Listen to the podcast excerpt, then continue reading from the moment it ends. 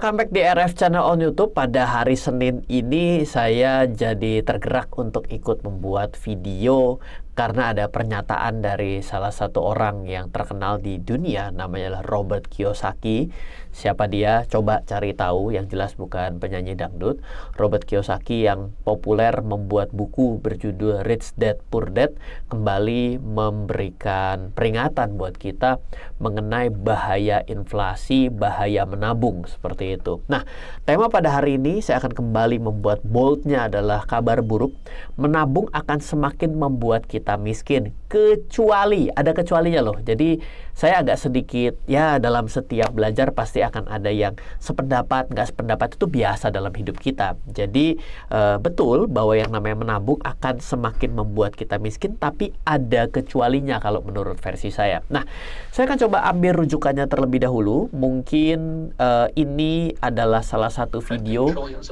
It doesn't make any sense when you're getting paid 1% in the bank but you're losing to inflation. It just the math does not make sense. It doesn't work. But for some reason, people are choosing not to pay attention to those kinds of things because they're losers because I listen to stupid people like my poor dad. You know what I mean? People who have no idea on money. When I said savers will losers 25 years ago, I got attacked. I said, Your house is not an asset. I got attacked. And I said, The rich don't work for money. Then every communist said, All you guys don't think about is money. Well, Kenny and I don't use money. We use debt, right? You know, the reason yeah. savers are losers is because debt is a better way of buying. Okay. Lalu ini adalah salah satu artikelnya yang ada di tanggal 27 November uh, diminta kita diminta untuk meninggalkan kebiasaan menabung kalau nanti kita baca bahwa uh, dia sudah berbicara mengenai 25 tahun berbicara bahwa menabung adalah suatu kegiatan yang buruk dan selalu mengatakan dulu Robert selalu mengatakan emas dan silver. Jadi ketika dalam bukunya dia berbicara mengenai emas dan silver karena dia mengatakan silver harganya lah tertinggal gitu. Jadi ini juga akan kembali saya angkat bahwa uh, silver pada saat ini juga drop lebih parah dibandingkan emas pada saat itu dan kenaikannya juga belum mencapai level tertinggi sebelumnya tapi emas sudah menuju level di atas 2000 US dollar per troy ounce ketika saya membuat video ini yang salah satunya diakibatkan kita tahu bersama adanya perang, adanya inflasi yang begitu tinggi, biasanya emas akan kembali mengalami kenaikan. Jadi boleh dibilang orang yang membeli emas bi bisa bilang begini bahwa semakin buruknya kondisi dunia maka emas akan semakin tinggi. Tapi di balik itu kenapa ada terjadi seperti itu adalah diakibatkan karena konsep uang kertas yang tidak lagi di backup dengan emas. Karena dulunya adalah emas membackup setiap uang kertas yang dicetak sehingga selalu stabil nilainya. Namun diakibatkan sejak tahun 1970-an Amerika mencetak uang kertas tanpa menggunakan backup emas lagi makanya ada yang namanya petrodolar itulah yang menyebabkan inflasi mulai menjadi gila dan semua negara akhirnya mencetak tanpa mempedulikan backupnya hanya kepercayaan terhadap kekuatan dari negara tersebut. Makanya lah kita mengenal namanya adalah makroekonomi. Nah, Begitu bergerak di beberapa tahun terakhir, Robert Kiyosaki menambahkan portofolionya dengan yang namanya adalah Bitcoin. Sorry, sempat hilang. Dari emas silver ada properti juga gitu ya. Tapi properti mungkin lumayan terpukul karena di Amerika adanya kasus subprime mortgage seperti itu dan kita juga harus tahu bahwa um, banyak orang yang membeli properti dengan sudut pandang berhutang.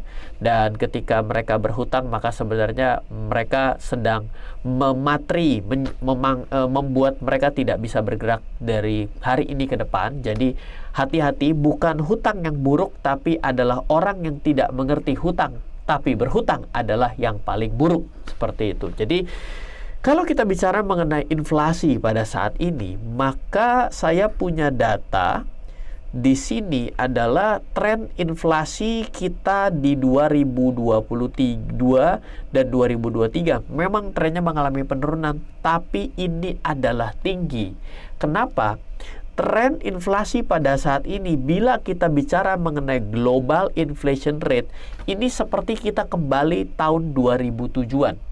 Artinya adalah dalam keadaan saat ini bukan hanya Indonesia saja yang mulai mengalami tren inflasi, tapi yang berbahaya adalah negara-negara yang biasanya tidak mengalami inflasi ikut terkena inflasi, mereka akan jauh lebih sakit dibandingkan negara seperti Indonesia yang terbiasa inflasi. Yang terbiasa inflasi itu biasanya kalau saya, parameter saya selalu gampang-gampangan, yaitu yang gaji setiap tahunnya secara UMR saja selalu ada adjustment naik itu sudah pasti akan kita bisa lihat bahwa negaranya akan mengalami inflasi. Karena apa? Karena salah satu komponen utama untuk memproduksi suatu barang pastinya ada yang namanya variable cost. Nah, variable cost itu juga salah satunya ada dari sumber daya manusia yang bekerja di sana. Nah, jadi kalau kita melihat dalam kondisi saat ini dan perlu waktu lama sampai dengan 2007-2028 kembali mengalami penurunan tapi tidak lebih rendah daripada kondisi sebelumnya, maka sebenarnya tren inflasi tinggi itu akan membuat uang yang kita taruh di bank memang tidak akan ada nilainya lagi. Oleh karena itu, pilihannya sebenarnya cuma dua.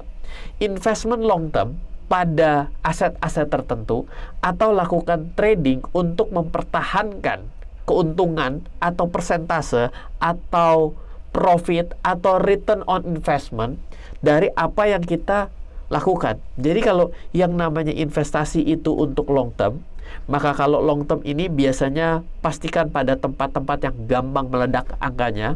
Otomatislah kenapa Robert Kiyosaki mengatakan emas dan Bitcoin. Karena apa? Karena Bitcoin mengalami ledakan harganya dalam 10-15 tahun terakhir ada tren yang berulang mengenai ledakan harga kripto. Tapi itu chapter yang berbeda karena high risk juga nggak ngerti barang teknologi gaptek maka Anda justru bukan untung malah buntung.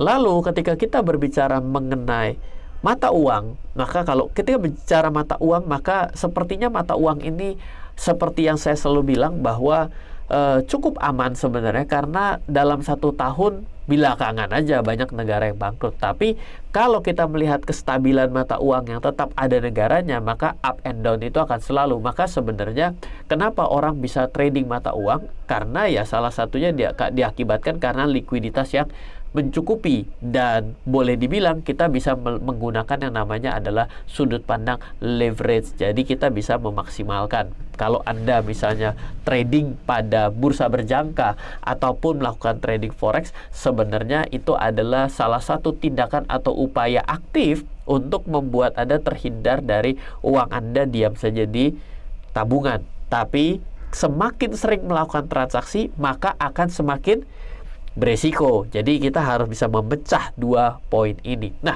saya juga punya data di sini. Saya ada data bahwa ini adalah perbedaan antara orang membeli, menabung secara berkala, berinvestasi saham secara berkala, membeli emas secara berkala, membeli dolar secara berkala. Dilakukan dalam 1, 3, dan 5. Saya sering sekali menceritakan uh, tabel ini untuk memberikan peringatan bahwa kalau kita melakukan yang namanya menabung dari waktu ke waktu, memang tidak bisa membuat kita kaya. Tidak bisa membuat kita kaya. Uang satu juta dalam 12 bulan hanya berkembang menjadi 12 juta 100. Artinya adalah orang yang memiliki 12 juta dengan dia effort mengumpulkan 12 juta, di bulan ke-12 hanya menghasilkan uang 100 ribu. Data ini pun sudah di backdate dengan menggunakan data historis yang sebenarnya dari bunga penjam, lembaga penjamin simpanan yang ada di Indonesia. Jadi data ini adalah data yang digunakan secara masa lalu dan data benar. Dan kita bisa lihat pada masa-masa tertentu pun pernah ada yang namanya bunga 10% loh. Kita pada saat ini pun ketika kita membahas tidak ada yang namanya bunga 10%. Jadi kita tetap dengan keadaan seperti itu saja, kita ternyata tidak bisa menghasilkan keuntungan yang menarik. Makanya jangan heran buat orang yang menabung dengan uang yang seadanya, dengan 10, 20%, 50% dari pendapatan setiap bulannya ditabung full, maka dia tidak akan jadi apa-apa dalam waktu yang lama. Ya karena apa? Ya karena seperti ini. Gitu. Nah, kalau kita bicara tapi kan lumayan, tidak hilang. Betul, secara angka. Tapi sebenarnya secara nilai untuk membeli barang akan tetap hilang juga.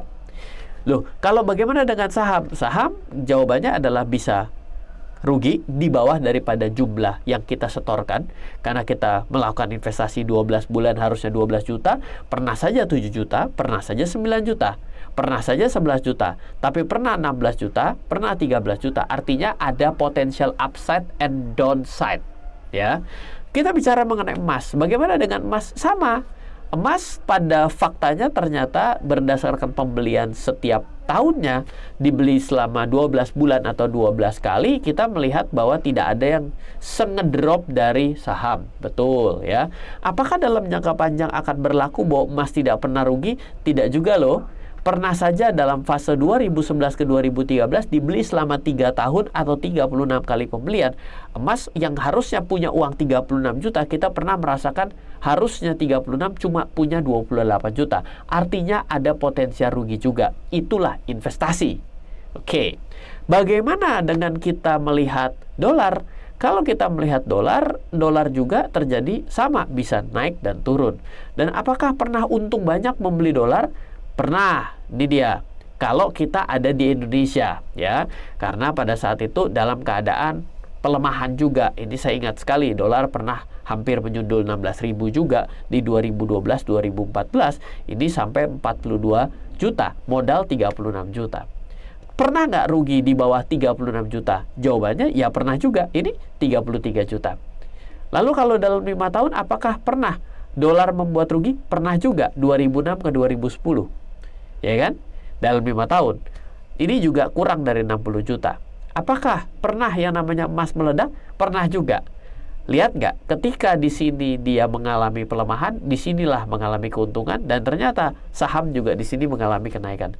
Jadi selalu setiap instrumen investasi itu saling mengisi. Nah, tapi tetap saja dalam jangka waktu berapapun Hasil memang tidak pernah kurang daripada yang distorkan, tapi pergi ke mana-mana pun tidak. Mulai karena itulah, menabung memang tidak bisa membuat kita menjadi kaya. Dan ketika kita berbicara saham, emas, dolar, bukan tidak pernah membuat kita rugi dalam jangka panjang. Oke, apakah pernah menguntungkan yang besar? Jawabannya secara data pernah. Cuma masalahnya tidak tahu kita itu masuknya di tahun yang mana, betul nggak? Bisa saja pada saat ini kita beli ternyata kita dalam nasib yang ini, betul nggak? Atau ternyata kita beli pada saat ini kita berada di dalam nasib yang ini juga kita tidak tahu, betul nggak? Itulah yang disebut masa depan adalah misteri. Semakin kita tidak mengerti, menurut saya harus semakin sering membeli, dan semakin tidak mengerti, harusnya semakin memiliki portofolio yang lebih dari satu itu dalam sudut pandang investasi. Kalau kita berbicara trading, maka dagang perlu punya ilmu. Bagi orang yang berdagang tidak punya ilmu, namanya sedang berjudi. Dia pakai feeling. Oke, okay?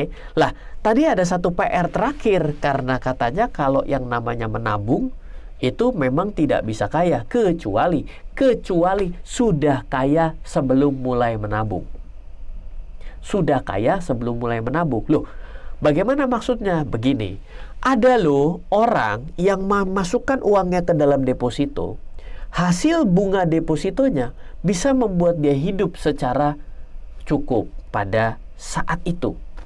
Kalau sudah dalam fase itu, ya bolehlah taruh uang di deposito. Kenapa? Karena ketika dia berada di dalam deposito, terbukti dari tahun ke tahun, cukup. Tapi nggak banyak-banyak hasilnya. Kalau orang yang sudah kaya dan uang dari bunganya dari uang yang didepositokan sudah membuat dia cukup hidup, maka tidak perlu pergi ke resiko yang lain. Betul nggak? Buat apa dagang? Buat apa membeli yang lain? Nah, jadi ada yang berbeda di sini. Cuma masalahnya adalah biasanya orang semakin banyak uangnya, gaya hidupnya semakin tinggi. Sehingga akhirnya konsep ini agak langka dan jarang untuk kita temui. Jadi setiap orang punya masalah sendiri-sendiri. Dan kadang-kadang itulah yang harus kita kalahkan. Misal, orang yang berpikir bahwa trading itu tidak bagus, sebenarnya dia tidak sadar bahwa trading itu semua orang melakukan dalam hidup. Tapi harus punya ilmunya. Orang berbicara menginvestasi, lawannya adalah kesabaran. Kenapa? Karena bisa saja ketika dia berinvestasi sedang turun. Inilah kesabaran. Oke. Nah, bagi orang yang memiliki uang yang lebih, lawannya adalah keinginan dia untuk nafsu membelanjakan uang dan dijadikan barang-barang konsumtif. Jadi siapa pun dalam hidup kita memang memiliki masalahnya sendiri-sendiri. Kira-kira seperti itu sharing kali ini ya agak sedikit filosofis ya, tapi ada data-data yang saya bagikan. Semoga bermanfaat. Oh ya, setiap hari Senin semua video yang ada di RF Channel selama satu tahun ini di-provide oleh Forex IMF. Forex IMF adalah salah satu pialang berjangka terdaftar di OSI Bapepti di Indonesia akreditasi A++ 19 tahun sebagai zero complaint broker buat Anda yang ingin melakukan perdagangan atau trading forex. Misalnya membeli pasangan mata uang antara euro terhadap US dollar. Anda bisa melakukan di forex IMF atau Anda ingin membeli emas tapi dengan strategi membeli pada perdagangan emas berjangka bisa membeli melalui Forex IMF karena Forex IMF di dua bulan yang lalu merilis satu produk baru yaitu adalah produk yang as low as 0,01 lot. Sehingga Anda bisa memulai perdagangan emas dunia juga dengan modal yang semakin murah dan bahkan ada yang namanya gratis biaya menginap atau free swap. Bukan menginap di hotel tapi adalah free swap. Ini adalah uh, transaksi overnight yang tidak dikenakan biaya. Ini juga menjadi salah satu yang bisa digunakan dan baik fiturnya buat orang-orang yang membeli emas dalam jangka panjang. Saya juga melakukan itu sudah mulai mengubah pembelian emas secara fisik dengan menggunakan bursa berjangka sejak tahun 2016 silahkan belajar Anda bisa join ke grup uh, Telegram VIP Forex IMF. Anda bisa cek dalam kolom deskripsi. Di sana banyak sekali informasi, banyak sekali sharing. Juga setiap hari ada rekomendasi trading yang bisa Anda pelajari. Ada indikator, ada berita, ada strategi yang di-sharing. Membuat kita bisa belajar bersama-sama di tempat yang terdaftar dan diawasi Bapepti di Indonesia atau regulator di Indonesia. Semoga selalu bermanfaat. Nantikan video selanjutnya. Hari Selasa besok juga tetap ada live bersama saya dan juga Forex IMF. Anda mau tanya apa pun, selama saya bisa jawab, saya coba untuk jelaskan dan saya coba untuk beritahukan bersama sharingkan bersama buat kita semua. Semoga selalu bermanfaat dari saya Ran Filbert. Salam investasi untuk Indonesia.